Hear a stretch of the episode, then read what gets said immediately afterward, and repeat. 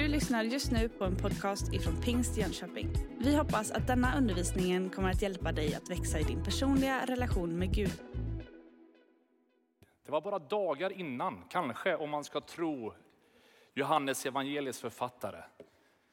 Som samma Maria som nu smorde Jesu fötter hade varit med om kanske den mest spektakulära händelsen i hela hennes liv så till den punkten. Hennes bror låg för döden och de visste att miraklernas man var nära. Så de liksom säger Jesus kom, Lazarus ligger för döden och du kan komma och bota honom. Men av någon konstig anledning så väljer Jesus att inte komma på en gång. Han är inte där precis när det sker. Och han som är miraklernas man är liksom frånvarande. Vilket gör att Lazarus dör. När Jesus så småningom närmar sig Betania och närmar sig platsen där Lazarus ligger begraven så möter Marta och liksom hennes syster Maria upp där. Och Marta ställer den här brännande frågan, bara, liksom, Jesus varför, varför kom du inte på en gång? Hade du bara varit här så hade ju det här inte behövt ske.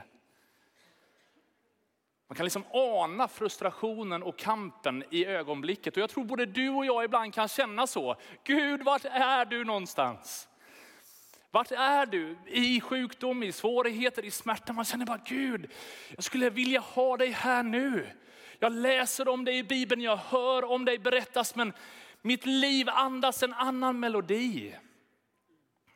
Om både du och jag lägger handen på hjärtat så tror jag att vi kan vara där ibland.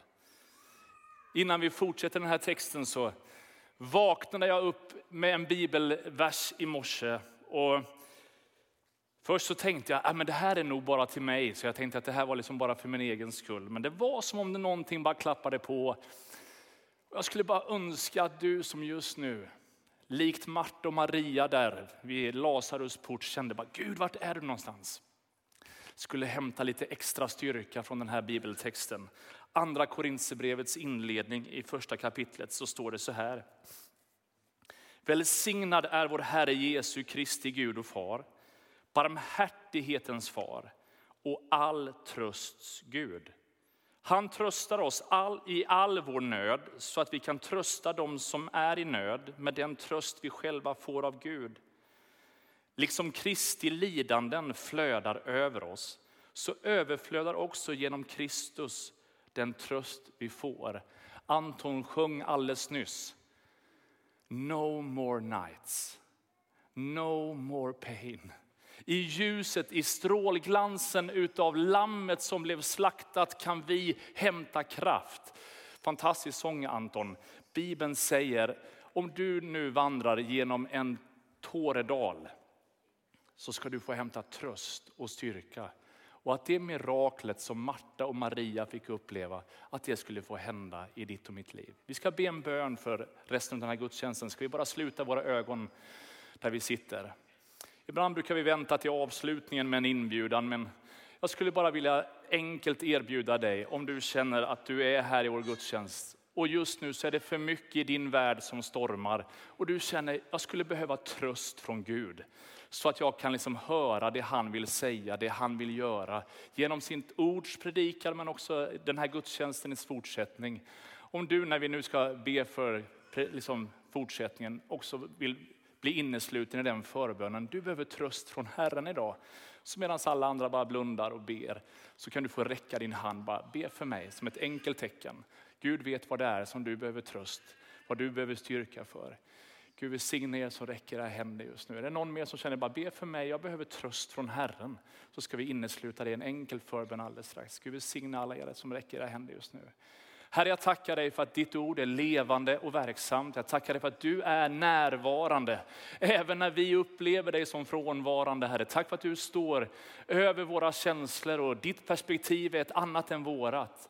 Och nu bara ber jag dig att det som är givet oss genom ditt ord, en påminnelse om att du är all tröst Gud, att du skulle komma och bara ge läkedom in i det som just nu är sårat Herre. Jag bara ber att du skulle skölja över det här rummet med din nåd Herre. Tack för att allt det vi behöver så överflödar liksom trösten från dig mer. Herre, du ger mer tröst än vad problemen kan liksom ta ifrån oss. Herre. Jag bara tackar dig för att allt vi behöver finns hos dig.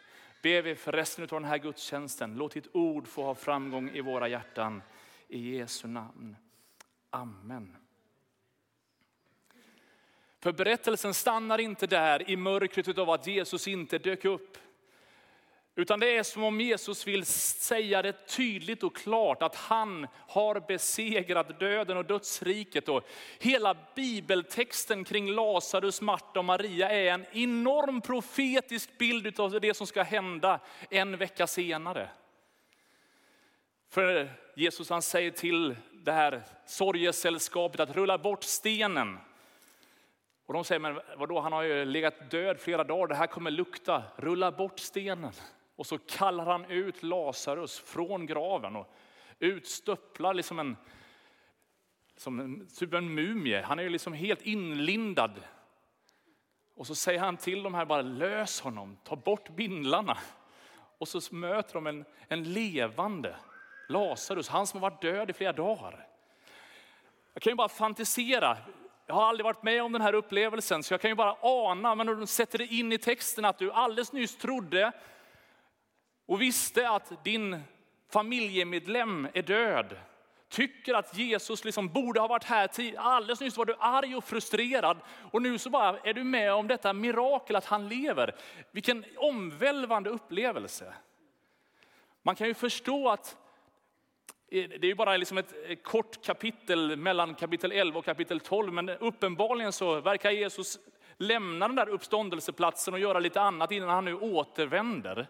Och det är klart att efter en sån upplevelse, att liksom Jesus nu kommer tillbaka till festen på något sätt, så är det ju klart att både Marta, Maria och Lazarus och andra känner bara wow, hur ska vi kunna tacka dig? Hur ska jag kunna med mitt liv säga mitt tack till dig? Och ibland känns det så futtigt när man är med om att Gud möter upp en. Jag tror att om du har varit kristen en tid så har du säkert varit med om en hel del situationer där du bara känner att hur ska jag kunna göra rättvisa för det han har gjort för mig? Och om du och jag skulle förstå att han inte är ute efter att vi ska betala tillbaka någonting. För han vet att vi inte kommer kunna göra det utan det är av nåd som vi får ta emot hans kärlek och hans gåva. Och det enda han egentligen vill ha som gensvar är att vi i tacksamhet säger hur mycket vi älskar honom. Johannes evangeliet kapitel 12, vers 1 kan vi ändå läsa de här verserna tillsammans. Sex dagar före påsk kom Jesus till Betania där Lazarus bodde. Han som Jesus hade uppväckt från de döda. Där ordnade de en festmåltid för honom. Marta passade upp och Lazarus var en av dem som låg till bords med honom. Då tog Maria en hel flaska dyrbar äkta nardusolja och smorde Jesu fötter och torkade dem med sitt hår. Och huset fylldes av doften från oljan. Men Judas Iskariot, en av hans lärjungar, den som skulle förråda honom, invände. Varför sålde man inte den oljan för 300 denarer och gav till de fattiga? Det sa han inte för att han brydde sig om de fattiga, utan för att han var en tjuv och brukade ta av det som lades i kassan som han hade hand om. Jesus sa då, låt henne vara. Hon har sparat den till min begravningsdag. De fattiga har ni alltid bland er, men mig har ni inte alltid. En stor mängd judar fick veta att Jesus var där. Och de kom inte bara för Jesus skull, utan också för att se Lazarus som han hade uppväckt från de döda. Då bestämde sig översteprästerna för att döda även Lazarus, eftersom många judar lämnade dem för hans skull och trodde på Jesus. Ett märkligt festsällskap en del bibelöversättningar, eh, en del olika liksom, teologer försöker reflektera över den här händelsen, för den nämns i lite olika evangelier, i lite olika tidpunkter och på lite olika sätt. Det finns snarlikande berättelser som på något sätt ändå sammanfattas i att när Jesus kliver in i ett hem så blir det skillnad. När han är närvarande så förändras livet. Och kanske är det en av huvudpoängerna i min bön för den här gudstjänsten, det är att du inte bara är i en härlig gudstjänstmiljö, får vara med och be tillsammans, lovsjunga och liksom lyssna till Guds ord, utan att ditt hem ska få vara en plats som fylls av Guds närvaro, men också ditt gensvar till den han är. Vi kan förstå i andra bibeltexter att Marta, hon var en sån här som gärna ville fixa. Hon hade gärna liksom allting på plats och ville vara liksom ordning och det skulle vara gott och det skulle smaka härligt och bra. Och här så märker vi inledningen att även vid det här tillfället så tjänar hon med, med sina förmågor och sina talanger. Man kan ju förstå att både folket i Betania och familjen runt Lazarus var tacksamma för Jesu besök. Men om det är så, vilket jag tror och jag är helt övertygad när jag läser skriften, att Jesus vet ju vad som ska hända veckan senare. Jesus vet att det här är sista sabbatshelgen i hans liv här på jorden. Nästa gång den här dagen inträffar så, så kommer han att spikas upp på ett kors. Han vet att snart ska han bära hela världens synd på sina axlar. Och då funderar jag så här, om han är som jag, vem är den sista? Vart skulle jag vilja liksom spendera liksom sista tillfället med? Han verkar ändå ha valt med omsorg både platsen och människorna. Och jag kan förstå att om jag snart ska dö för att sen uppstå, så är det gött att få hänga lite grann med människor som Lazarus, som på ett sätt har varit med om en liknande sak. Är ni med? Han, liksom, han, är i en familjesituation som är fylld av tro på att livet besegrar döden. Han är med i en miljö som andas liv. Och jag har tänkt att liksom, om Jesus var noga med det, så kanske jag också behöver vara noga med att någonstans vaka över att omge mig av människor som är fyllda av tro. Om du inte är med i en smågruppsgemenskap så skulle jag vilja att du går ut efter gudstjänsten, inte nu, efter gudstjänsten. Stanna kvar, efter gudstjänsten går du ut till välkomstcentret och säger hej, jag vill vara med i en smågrupp. Så ska vi göra allt vi kan för att du ska komma med i det.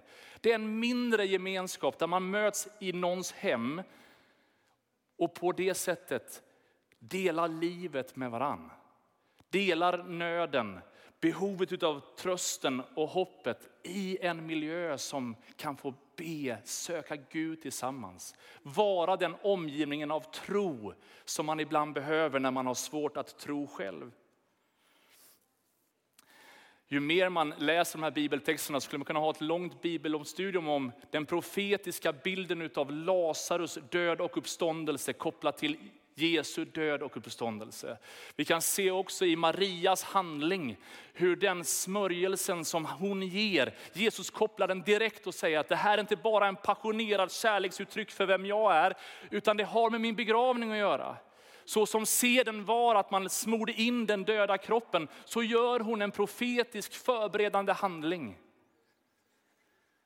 Och man bara anar ännu mer sprängkraften och dynamiken i att Guds ordet, Gud överraskas inte. Han har en plan, han har sista ordet, han vet mer än vad vi vet.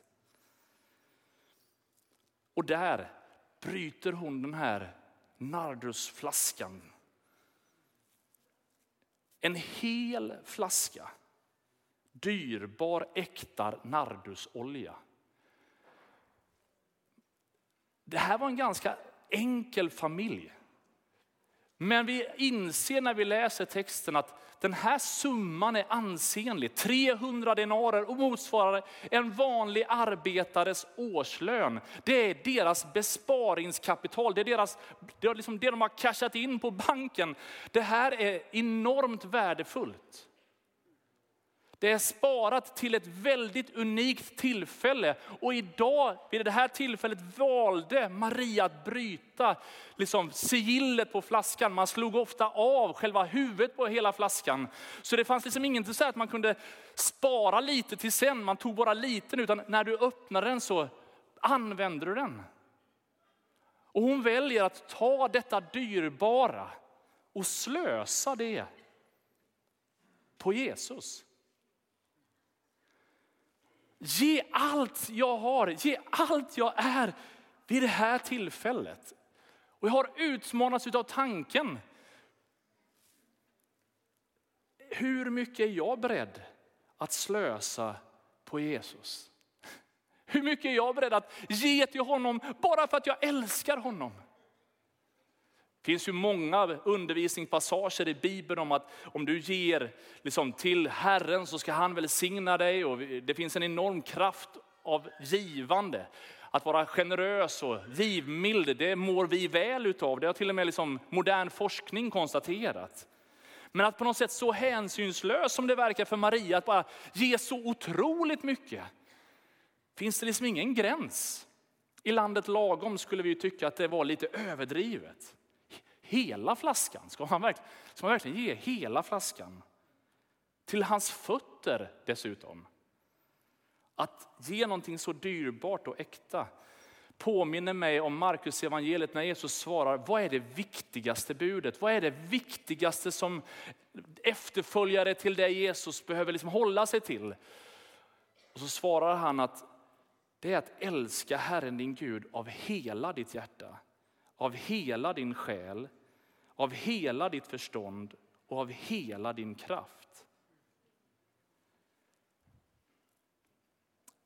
För dig som inte känner mig så väl, så om jag ska koppla av så njuter jag av olika idrottsevenemang. Jag brukar ofta komma hem så att det finns åtminstone en period kvar på någon hockeymatch eller i Champions League-tider så hinner hela familjen somna innan andra halvlek så att det är okonkurrerad tid. Och i idrottssammanhang så är det väldigt lätt att man blir entusiastisk och man kan komma hem hes efter en match för man har hejat så intensivt. Och vid några sådana tillfällen i min ungdom har jag varit med om att Gud på något sätt bara liksom lagt handen på axeln, känslomässigt har jag upplevt det så. Och bara sagt, okej okay, Markus, det, det verkar finnas ett läge till för din tillbedjan. Och jag tänker när vi firar gudstjänst eller när jag är ensam med Gud i min kammare, hur mycket passion finns det? Hur mycket är det här, jag ger mig helt, det får kosta något. Jag ger av det jag har, det får liksom, han är värd det här.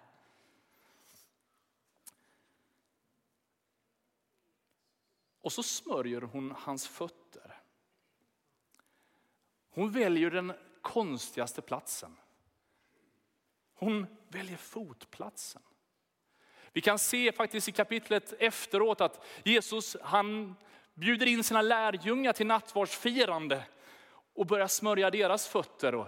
ingen av lärjungarna ville smörja någon annans fötter, Man, det var slavens göra. Och fanns det ingen slav så var det framförallt ingen som kände någon slags att ja, men jag går här och smörjer fötterna. Och nu går vi in i vårtider och vi har lite lättare skor och snart går vi in i sommaren och blir det ännu lättare. Men eh, jag skulle ändå inte liksom, fri, vara frivillig att smörja allas fötter. Är du med? Det, det tar emot. Men Maria hon väljer att sätta sig vid hans fötter, smörja dem.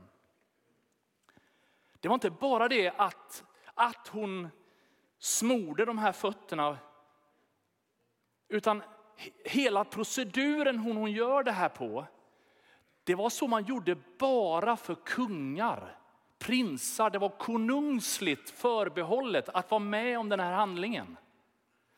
Och än en gång så påminns vi om det profetiska i texten utav att det nu sker är en smörjelse, en förberedelse för den kungen som ska rida in i Jerusalem. Inte för att sätta sig på en tron, liksom på mänskligt sätt i Jerusalem, utan ge sitt liv på korset, besegra döden och sätta sig på Guds tron. Som segraren överallt. Det är det som sker där Lärjungarna skämdes när Jesus tillrättavisade dem om att ingen ville smörja liksom och tvätta de andras fötter. Maria hon behövde ingen tillsägelse utan hon bara valde att ödmjuka sig inför Gud. Ordspråksboken säger så här att vördnad för Herren fostrar till vishet. Ödmjukhet går före ära. Och det finns många texter i Nya Testamentet som talar om en sann gudsfruktan. Inte att vi ska vara rädda för Gud, men likt Maria i vördnad säga, du är Herre. Livet handlar inte om mig utan mer om dig. Och att någonstans bara böja sig inför honom. Att säga Gud, jag vill ge dig ära. Jag märker i mitt eget liv, och kanske du är lite grann som jag, färgad av den tid vi lever i. Att vi andas så mycket individualism och självupptagenhet att vi luras till att tänka att Gud finns på något sätt bara för min skull. Och att, jag, att han finns bara för att hjälpa mig med allt. Absolut att Gud älskar oss och vill förse oss med allt sitt goda. Men han är inte våran betjänt. Det är inte han som på något sätt är den som bara ska komma och göra allt för oss. Han är kungars kung, han är herrars herre. Han är värd vår beundran, vår respekt och vår... Faktiskt, att vi ibland böjer våra knän och säger Jesus, du är min herre. När man döps i vår kyrka så får man en dop-t-shirt där det står att Jesus är min herre. Och min dotter hon älskar den här t-shirten. Hon har på sig den i alla möjliga situationer och även som pastors, Eh, pastor kan jag känna ibland så här, liksom att den här texten kan ju vara väldigt in the face liksom i olika sammanhang. Men man är ju glad att hon älskar sin t-shirt och älskar Jesus. Så att man får ju, man bara lycka till. Men den här veckan så har jag på sig den här t-shirten flera gånger och jag bara känner det är sån kraft i den proklamationen. Att jag faktiskt säger att jag böjer mig under Jesus som min Herre. Han är min Herre, han är min Mästare. Och jag tror att vi svenskar skulle behöva lite fler gånger på knä inför Gud. Att erkänna att det är han som är Gud. Hans vilja, inte min. Din, ditt rike, inte mitt rike. Ja, vi skulle kunna ta bibeltexten långt. Och så torkar hon fötterna med sitt hår. Alltså det är ju nästan ofräscht kan jag tycka att inte använda en handduk, eller hur? Varför liksom släppa lös håret? Bara låt mig ge dig, ytterligare, ge dig lite ytterligare bakgrund. Att som judisk kvinna överhuvudtaget släppa ut sitt hår var kulturellt inte okej. Okay. Det ansågs som moraliskt dåligt och lösaktigt. Men Maria verkar totalt strunta i vad alla andra tycker. Det verkar inte vara i hennes världsuppfattning och världsbild att på olika sätt påverkas av vad alla andra ska säga.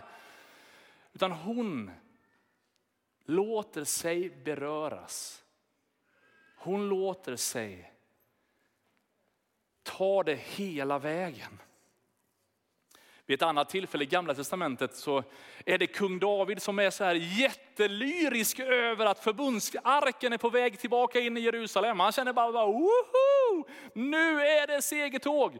Och han liksom kommer ut i sin linnedräkt där och börjar dansa. Och på den tiden hade man liksom inte underkläder så som vi har, så att när han dansar så, så syns för mycket i dansen. Jag ska inte illustrera det, så du behöver, kan vara lugn. Och då kommer Sauls dotter Mikael och, och hon liksom konfronterar David och säger att det här är, det här är väldigt olämpligt. Men han, han bara svarar så här, jag tyckte det var härligt. Det var inför Herren han som har utvalt mig framför din far och hela hans hus och som har insatt mig, mig till först över Herrens folk Israel. Inför Herren dansade och gladde jag mig. Och jag skulle önska att jag fick vara lite mer fri.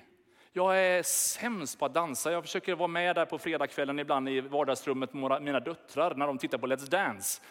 Men eh, jag får vara med ungefär i tio minuter, nej inte tio, tio sekunder innan de ger upp. Jag har fortfarande en treåring hemma som uppskattar när vi tar en sväng om, liksom när vi gör lite volter i luften eh, i fantasin. Men tänk vad många gånger det är som jag är lite hämmad. Jag skulle vilja, men ah, kan jag? Jag skulle bara önska att de här bibeltexterna och att Marias exempel fick inspirera dig att släppa lös din passion för Kristus. Det kan vara dåraktigt i en del andra människors ögon att ödsla så mycket pengar, så mycket energi och vara sådär lite halvt galen. Men du vet, är man förälskad så är beredd att göra ganska mycket och man tänker inte ens på ibland hur det uppfattas av andra. Och att passionen skulle få vara ännu mer tydlig och synlig. Om man kopplar ihop texten i Johannes evangeliet med några av de andra bibeltexterna i Matteus och Markus så står det så här, de andra evangelierna de säger att den här texten, den här berättelsen, den här kvinnans handling, det kommer man berätta om hela vägen in i framtiden. Johannes han säger att doften, väldoften fyllde hela huset. Jag ska inte utlämna min familj, men vi har människor i vår familj som försöker komma in i det här med att använda deodorant och parfym. Och ibland så är det lite för mycket parfym. Det kan dofta. Det märks på håll. Det finns ett rabbinskt talesätt som faktiskt deklarerar att doften av en god parfym känns från sängkammaren till vardagsrummet. Medan doften av ett gott namn, ett gott rykte, går från en värld till en annan. Att när du och jag lever ett väldoftande liv så märks det. Jag hörde för länge sedan en gripande berättelse från en kyrka i Sverige där en man i liksom precis det vi skulle kalla för unga vuxna, ni som är i 20-årsåldern, kom till tro. Hade inga kristna föräldrar, kom från ett icke-kristet hem. Och under liksom en lång tid så kom han varje gång, varje söndag till kyrkan. Och efter ett tag så märkte pastorn i kyrkan att han alltid satte sig på samma ställe. Och märkte att det alltid var så nära en speciell dam som möjligt. Och den där damen var riktigt, riktigt gammal så att han förstod att de här måste ju ha någon form av connection eftersom vart den där äldre kvinnan sitter, där sätter sig alltid han när han kommer. Så lite nyfiket undrar han, liksom, eh, har de någon släktband eller vad är det här? Så vid ett tillfälle frågar pastorn, så bara, du, känner ni varandra på något sätt? Liksom, hur? Jag har bara sett att du alltid sätter dig bredvid henne. Och han var så här, nej jag, jag har ingen aning om vad ens hon heter. Men jag har märkt att när jag sitter bredvid henne så finns det någon frid. Och någon liksom, på något sätt, jag känner att det är lättare att vara nära Gud. Det fanns en väldoft runt denna åldrande kvinna. Ett liv som är fyllt av anden som gjorde att det doftade så mycket Kristus att den nyfrälste 20-åringen kände, jag vill sitta så nära henne som möjligt. Jag vill ta rygg på henne. Och jag undrar hur mycket den doften finns från mitt liv. Undrar hur mycket ditt och mitt liv attraherar på det här sättet så att den där väldoften sprider sig. Andra Korinthierbrevet säger att vi tackar Gud som ständigt för oss fram i Kristi segertåg och sprider sin kunskapsdoft genom oss överallt. När du går härifrån så finns det hundratals människor den här veckan som kommer som du kommer möta. En del kommer du ha ett fysiskt möte med för du känner dem som lärare i ett klassrum eller på din arbetsplats eller vad det nu är. En del människor kommer du inte ens prata med, du bara sitter där på bussen eller är där på snabbköpskön. Liksom. Men tänk då att du kan få vara en Kristusdoft som andas det där oh, goda för människor som just nu känner att livet går i en annan melodi. I det där ögonblicket av eufori, glädje, den goda väldoften så börjar Judas ifrågasätta hela handlingen. Och man kan ju förstå den rättfärdiga tanken någonstans att det här är väl lite väl slösigt, borde vi inte kunna göra ganska mycket för de fattiga? Men evangelietexten säger väldigt tydligt att han var inte ute efter att ge de här pengarna till de fattiga. Han använde det som argumentation för sin egen vinnings skull. Paulus han varnar i andra Timoteusbrevet att det kommer att finnas människor i den sista tiden som har sken av Guds fruktan men som förnekar dess kraft. Ibland så kan det vara så att vi på något sätt har religiös anledning till vår argumentation, men vår, vårt ingångsvärde är dissonans i himlen. Det kommer alltid finnas, alltid påverka. Människor kommer alltid ha åsikter om den som älskar Jesus. Om du frågar de som är lite äldre i det här rummet, så finns det säkert berättelser från vår historia ganska långt tillbaka i Sverige, i pingströrelsens början, då löpsedlarna fylldes regelbundet med skällsord om att älska Jesus så som pingstvännerna gjorde. Man har förlöjligat oss i många sammanhang och än idag kan vi ibland i olika myndighetssituationer kämpa med att någonstans bli betrodda att ha ett sant och riktigt evangelium. Men min fråga är, vågar vi så helhjärtat ge oss till Jesus som Maria visade där i Betania? Löftet från psalm 23 är att om Herren är din herde så skall inget fattas dig.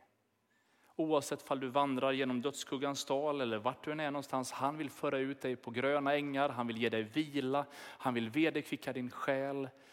Maria hade fått möta Kristus. Hon visste att när jag har dig så behöver jag inget annat i världen. När jag har dig Kristus, att vara tillsammans med dig en dag är bättre än tusen andra som salmisten säger.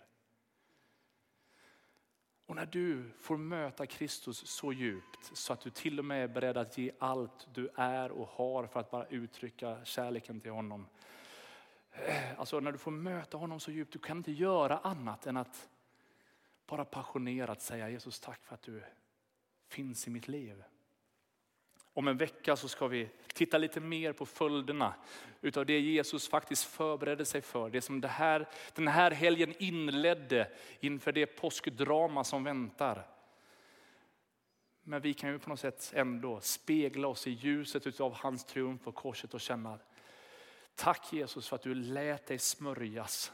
Tack Jesus för att du klev in som kungen, besegrade döden. Tack för att du gav liv när vi saknar liv.